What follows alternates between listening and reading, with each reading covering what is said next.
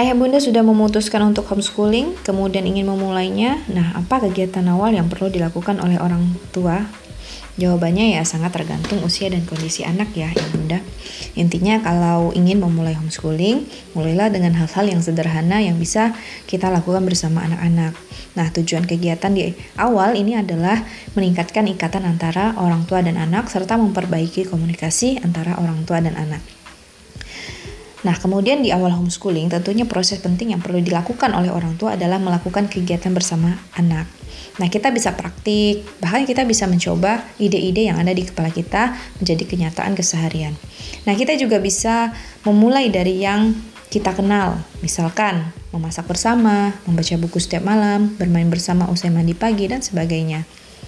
Ada juga ya keluarga yang memulai homeschooling dengan merencanakan kegiatan jalan-jalan dari museum ke museum Kegiatan itu dilakukan untuk memberikan kesan awal tentang bahwa homeschooling itu menyenangkan.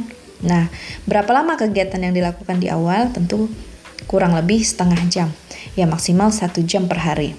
Nah, di luar itu, lakukan kegiatan bebas berdasarkan kondisi yang sedang berkembang pada saat itu.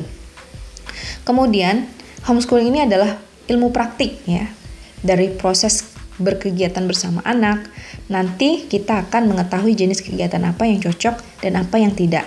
Nah, untuk kegiatan yang tidak cocok, jangan ragu untuk mengubahnya dan kita mencoba lagi.